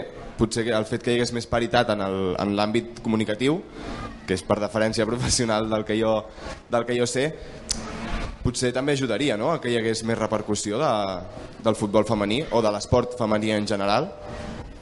Aquesta última te la contesto jo, com a de formació professional també, que sóc periodista, eh, jo estic d'acord amb el que dius, és a dir, eh, està comprovadíssim que en qualsevol àmbit temàtic a la que equilibres o fins i tot eh, poses més dones, la mirada i l'enfocament dels temes canvia i temes que els homes tradicionalment no ens hem plantejat o no li hem donat determinada importància, de cop i volta en cobren. I tu mateix com a home canvies la teva visió i la teva dimensió del tema. Crec que si hi haguessin més dones a les redaccions esportives eh, l'interès i l'espai que, que s'hi dedicaria a, a l'esport en categoria femenina seria més, més important. Hi ha hagut di- diversos comentaris. Eh, Andrea, mm, esport d'elit, futbol d'elit, equips mixtes, què et semblaria? Bueno, és, és una... No, no, ho sé com, no sé com sortiria. Sí que hi ha esports que realment són mixtes i, i han sigut sempre mixtes. Jo crec que és una mica el que deia abans, que el futbol les, està pensat per a, per a homes, és gen, genuïnament un esport d'homes i això fa que arribi a un punt que es faci aquesta distinció. Mm, no, no sé com... Se'm fa difícil eh, imaginar-m'ho i tot, perquè sí que és veritat que al final eh, el joc és diferent. Un partit de, que juguem nosaltres, que juguen dones, és diferent a un partit que juguen homes. Ja sigui per, per les condicions físiques, que som diferents, la mane... no sé. per, per entrar en el debat, eh? Sí, sí, sí, sí. Però segurament entre jo i el Messi físicament també som molt diferents, no? Llavors, vull dir que, que jo crec Ell té més força que tu, no? Què? Ell té més força que tu i tu més tècnica, no? És, és bastant més alt que jo. uh, jo tinc més tècnica, evidentment. Uh, no, això, no? Que, que en el fons jo crec que cadascú desenvolupa les habilitats no? en funció de les seves capacitats, no? Llavors, vull que, que jo no, bé, no, no en tinc ni idea de si funcionaria o no funcionaria, però vull que, que a vegades també tendim no? a parlar del físic, a parlar de no sé què, i tu mires un equip d'homes i dius, són diferents físicament, no? Llavors, dir, bueno, doncs cadascú agafaria el seu rol, no? I, i, i, i en termes d'habilitats, no? Vull dir que mm, hi ha futbolistes que tenen no? igual de nivell tècnic que, o més nivell tècnic que futbolistes masculins. Per tant, no sé, jo crec que, que podria funcionar i no entenc aquesta distinció que es fa fins, per què fins a infantil, no? Dic, de fet, comentàvem, eh, quan has fet aquest, això, de- d'un equip de Lleida, no? que em sembla que, que va guanyar la Lliga, no? un equip femení de Lleida que va guanyar la Lliga masculina, no? diríem, per, per tant, eh, corrobora això, no?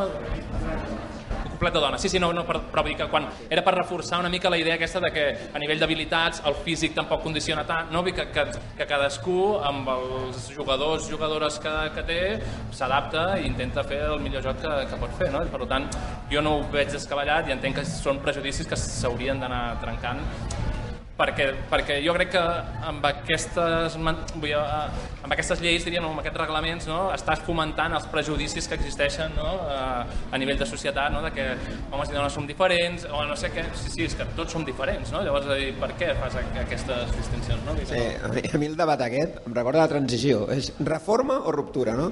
Aquí fem la reforma, no? I anem fent, anem modulant i tal. Nosaltres, que és del Marc, som un friquis, som del fan club Catalunya del Sant Pauli, òbviament. I cada any organitzem un torneig de futbol, val? Eh, aquest any hem fet el setè, i l'única condició és que els equips són mixtes. I que no porti nois i noies, no juga. Però nosaltres creiem aquest model i creiem al nostre club i creiem que aquí, aquesta és la via i això s'ha d'anar implementant a poc a poc perquè ara, clar, futbol professional això ningú s'ho planteja tot just està traient al cap a futbol en categoria femenina com para dir, no, no, ara futbol mixta imagina't, però creiem que ha d'anar per aquí la cosa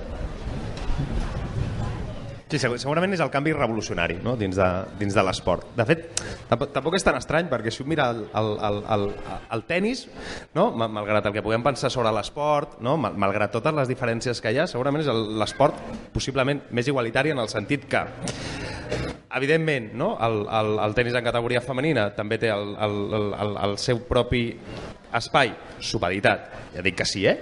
però tu veus el Roland Garros i el dissabte és la final de dones i el camp està sencer, no? I el, i el diumenge és la final d'homes. Això, segurament en el futbol no ho veiem igual. I en el tennis també existeix els equips mixtes, no? El, el dobles mixto aquell també existeix, vull dir, al final és una categoria on es juga, és una categoria que juguen i que no ha generat cap problema.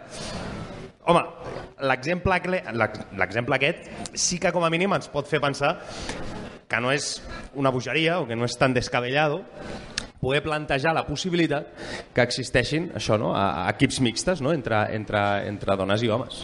Quan dissenyem els estatuts del Clownia Futbol Club, eh, el primer punt serà que siguin equips mixtes i si no, no podreu jugar, per tant, tingueu-ho en compte. Ho deixaríem aquí perquè... Està, allò de l'àrbitre. Principi. Àrbitre. Ah, va, l'àrbitre. Cert, cert, perdó, perdó. Perdó, estem discriminant Jo, jo, l'àrbitre. jo, l'àrbit. Meu, eh, hi ha un camp, jo entro a un camp i la graderia està en silenci i me'n vaig. Al camp del Sant Pauli la gent crida i hi ha molts nens, perquè van família. Però és un ambient, positiu, de respecte, d'animar l'equip. I aquesta és la via.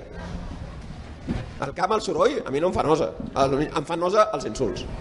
Vagin dirigits a tu, o als jugadors, o als rivals, o als aficionats. Però el soroll, com a tal, mm, no em molesta, al contrari, o l'agraeixo, perquè això és un camp que no té ànima, està mort. Ja, ja, jo no. Sí, jo, jo, jo, jo ho entenc, eh? O sigui, nosaltres ara, um, bueno, jo, jo, a part del, de, de ser del, del, del fan club del Sant Pol Catalunya, sóc d'una penya a futbol de Santa Coloma, de, de la Fundació Grama, i bueno, un, un dels paràmetres que sí que vam, que, que vam adoptar no, era el, el tema de que, si plau, no s'insulti, sobretot no s'insulti l'àrbitre. No? guanya. És a dir, eh, la gent està acostumada a insultar l'àrbitre. Um, és evident que la, el, el, no, el, el, els xavals, xa- xavals que juguen eh, el, el, el, allà en categories inferiors, no, que s'apropen i l'àrbitre, àrbitre cabrón! No, molt habitual. Sí que és cert que si ho atures, la gent... La, la, la, la, la majoria de la gent ho accepta de bon grat, no? És a dir, el, el, el, el fet d'aturar-ho. Llavors, jo també eh, diria, no, no, evidentment no és tant cridar o no cridar, vale? sinó com és aquesta actitud hiperagressiva envers l'àrbitre, que evidentment sempre ha estat el- l'objecte de totes les crítiques. Jo, jo, jo això ho conec perquè tinc un cosí que havia, ser, havia estat àrbitre i més d'un dia el seu germà, no, ja no, i més d'un dia el seu germà havia, havia d'esperar-lo al cotxe, amb el cotxe encès, sortir de determinats camps, fotre'l dins del cotxe i sortir corrents perquè si no caneaven. Um, però bueno, com dèiem abans, no? al final és, és, és tot un treball, és un treball que a vegades costa, no? és un treball eh, intens, és un treball evidentment que, que ha d'estar des de la base i des dels diferents espais que tenim, és a dir, des del propi club, des dels entrenadors, des d'evidentment les famílies, també des de les persones que animem dins dels, dins dels propis estadis. I jo, perdó. Sí? Tira, tira. I jo crec que també hi ha, evidentment, un element fonamental que és la, el mirall que tenen no, a, a, en els primers equips, no, diríem, a, a, l'alta competició. És a dir, quin, que, que sí que s'està intentant no, evitar qualsevol actitud de despreci cap a l'àrbitre, però està cost... dir, costa en general, no? Llavors, dir, aquest mirar, si, si tu el que projectes, no? Dir, no, no, tots volen ser com Messi, diríem, no? Però després el Messi l'àrbitre, no sé què, bueno, no? És dir, tu estàs projectant això i estàs normalitzant aquest tipus d'actitud i estàs, no? Vull dir que precisament Messi no és dels més, dels que més ho fa, eh? Però vull dir que, si per si m'estàvem gravant això, que... no, no, però vull dir que no, que, que realment jo crec que s'hauria de també no, una altra vegada això, o sigui, ser molt estricte no, amb totes les actituds de falta de respecte que es donguin dins d'un terreny de joc o a les graderies, sobretot també això no, en altes... Com? Perdó? No, no, jo també, jo també dic que no, eh? Vull dir que jo dic que respecte a anys anteriors sí que s'està, no, diríem, encara que sigui una mica a nivell no, més simbòlic que, que no pas amb mesures molt, molt estrictes, però vull que sí que més o menys no, s'intueix que bueno, sí, no, s'està fent una mica més rígid no, tot aquest tipus d'actituds que sóc el primer que sóc crític, eh, que crec que es podrien ser molt més, molt més estrictes. Eh? Tinc 20 segons. Ah, perdó. No, Bueno, no, jo, jo opino una mica com, com l'Oleguer. Sí que és veritat que a vegades hauria de començar per nosaltres mateixos, a vegades eh, el moment fa que, que facis alguna protesta, però jo crec que des de les bases ara, com, com deies molt bé abans, s'està fent molt bona feina per part dels, dels entrenadors i, i, però clar, si després ells veuen que, que els seus referents protesten i, i no passa res, clar, pensen, bueno, doncs jo també ho faig, no? I clar, jo crec que aquí és una mica la controvèrsia, però sí que penso que s'està fent molt bona feina i que la feina que feu els àrbits realment és, és brutal i és molt complicat. Sí, no, és que abans ha dit una cosa l'Andrea i la tinc i l'he de dir, com, quan va tocar la vena historiador. Diu, el, el futbol és un esport no? I, pels homes, no? Curt, eh? una història. Primera Guerra Mundial, 1914, el futbol no suspèn a Gran Bretanya, i les autoritats veuen que la gent no s'enrola per anar a la guerra i acaben suspenent el futbol. Val? Els homes se'n van al front, les dones van a les fàbriques perquè els homes deixen vacants, sobretot les de munició, i es creen equips de futbols de dones, les munitionets. Val? Juguen partits i com que n'hi ha futbol en categoria masculina, congreguen a 30.000 persones a un estadi. Quan acaba la guerra el 18, eh, tornen els homes, es reprèn la lliga de futbol masculí i la gent continua anant al futbol de les dones. Què fa la federació? Suspèn, Suspèn el futbol femení fins l'any 1970. Gràcies, Carles. Visca la menoteca.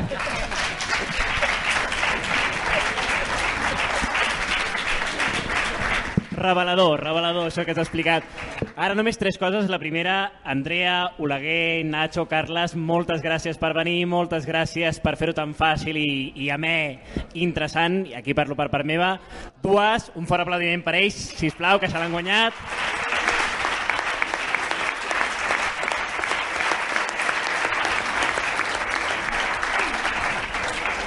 Tres, moltes gràcies al públic per les intervencions. I quatre, i la més important de totes, no marxeu, quedeu-vos, res, 3, 4, 5 minuts, perquè ara mateix pujaran gent d'algunes de les entitats que estan aquí, us explicaran el seu projecte, que són molt importants, si són projectes d'aquests que transformen la societat dia rere dia. Per tant, aplaudir-les i a seguir. Gràcies.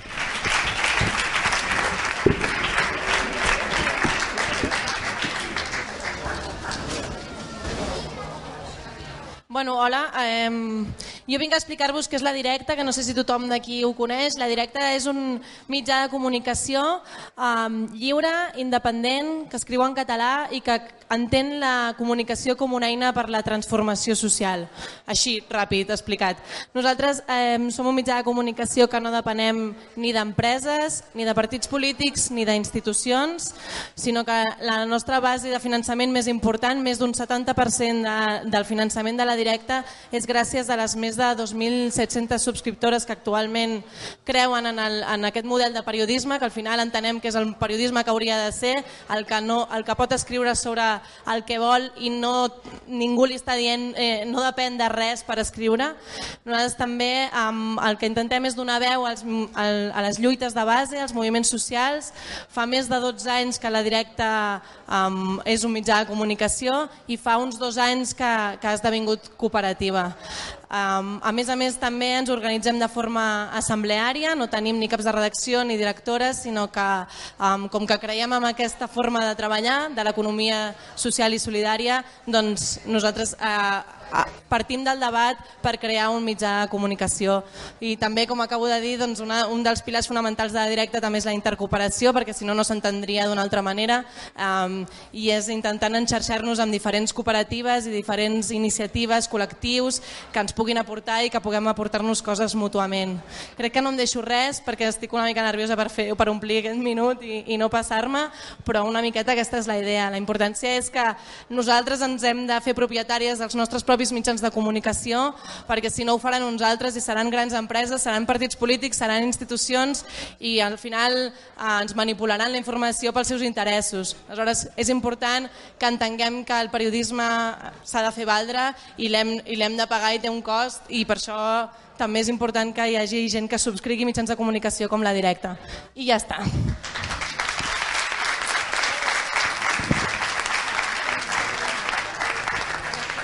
Bé, gràcies al Clàunia per convidar-nos i jo vinc en representació de SOS Racisme, som una entitat, eh, una associació creada el 1989 a amb seu a Barcelona que té, no, mm, treballa en tot l'àmbit català. Eh, treballem per la igualtat de drets de totes les persones, no? sense, sense discriminació d'orígens, de, de races o ètnies, eh, aparença, color de pell, etc. Per tant, contra les opressions i les violències racistes que no només afecten aquestes persones, sinó que ens afecten a tots i a totes com a, com a societat. No? Eh, treballem amb diferents grups de treball i amb, amb diferents línies. Eh, hi, ha, hi ha un grup que treballa pel dret a vot de totes les persones, no? també de, de les persones que venen de fora. Eh, hi ha un grup que treballa contra les aturades racistes policials que es fan per perfilatge ètnic, no? una pràctica il·legal eh, que cometen policies no? i cossos de seguretat eh, en contra d'aquells que per aparents no? semblen diferents i són eh, sistemàticament no? aturats, mm, violentats sense, sense justificació i injustament. Um, un altre dels grups que treballen a SOS Racisme, no? en aquesta línia, es diu Això és racisme, Uh, jo sóc activista d'aquest grup, treballem més en xarxes socials, més, més per arribar a tots els públics, uh, amb temes contra la islamofòbia. Um, hem tingut una campanya per l'accés als locals d'oci, no de tots i totes, contra l'accés uh, racista també. I per últim comentar no, el servei d'atenció i denúncia, el SAIT, um, és un servei que, amb, amb persones advocades, juristes, que atén aquestes víctimes de, de discriminacions i abusos. Val? Heu de saber que aquest servei existeix, és gratuït per, tota, per totes uh, les víctimes i, i bueno, està a Barcelona i, i bé, dir que mm, no només les persones que estan directament afectades no, per, per aquestes violències mm, tenen un paper, no? que també totes i tots, les persones blanques no, no racialitzades que estem aquí, també tenim un paper com a per no ser còmplices no, d'aquestes opressions i per tant per, eh, per bueno, el, mm, creure'ns el nostre rol com a activistes, com a, a vegades testimonis possibles, no? testimonis i aliats d'aquestes lluites. Com podeu col·laborar? Doncs econòmicament us podem donar informació per 60 euros anuals, eh, podeu ser socis, mm, hi ha quotes més petites, o com deies, mm, sent activistes participant en la lluita, sigui a SOS, sigui en el vostre dia a dia. Merci.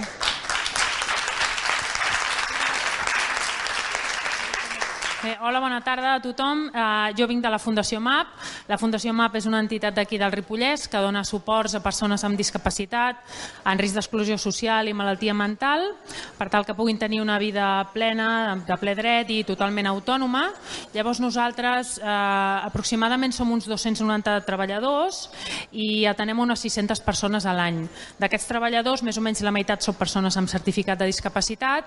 Tenim diferents seccions, mm, per exemple, tenim una, un servei de jardineria, de manipulats industrials, una bugaderia industrial, també gestionem un restaurant, un bed and breakfast, també tenim unes botigues de segona mà on fan aquests mobles tan xulos que teniu aquí, val? i nosaltres bueno, tenim a, a aquest estant especial que hem preparat per aquest any, perquè fem 50 anys, és una entitat que, bueno, que ja té una història i si us voleu passar per aquí pel nostre estant doncs us podem explicar una miqueta més la nostra tasca i podreu veure aquest material especial que hem preparat pels 50 anys. Gràcies.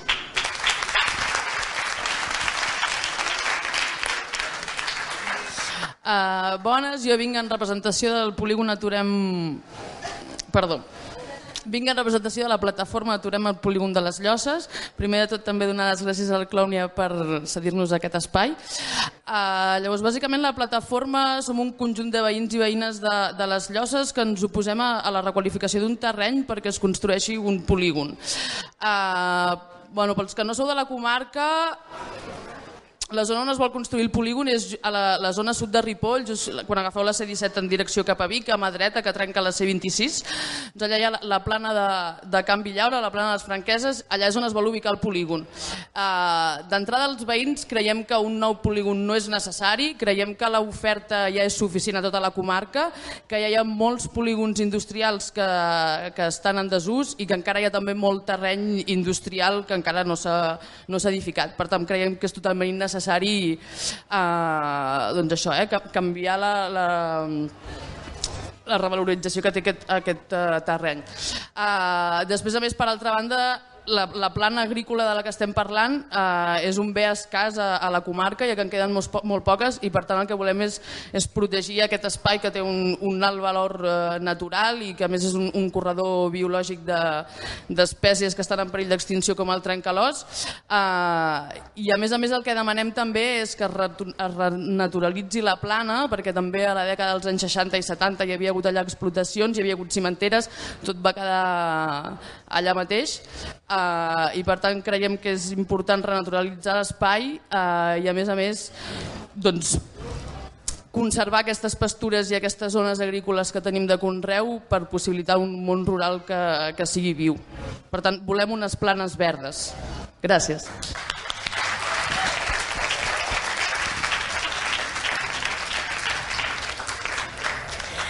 Hola, jo vinc, bueno, gràcies al Clàunia també, i jo vinc en representació al, a l'entitat Som Ripoll.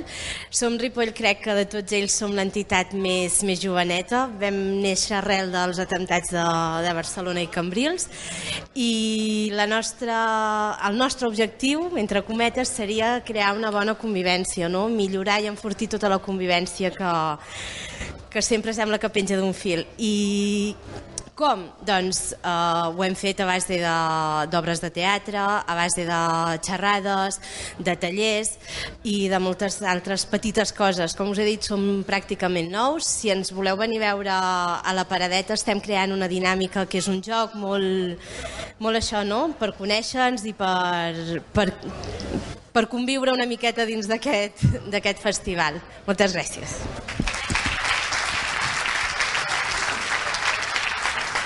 Gràcies a totes vosaltres. Ara donem una estoneta perquè ens deixeu apartar tot això i ve un últim taller que és de dansa, el Falamacadi, i ballarem eh, per transformar el dolor perquè ella des de la seva pròpia experiència d'haver patit lesió, doncs a través de la dansa ho ha treballat i voldrà doncs, compartir-ho i que ballem totes juntes també abans d'anar cap als concerts. Per tant, doneu-nos una estona i ens tornem a trobar aquí. Gràcies. Gràcies.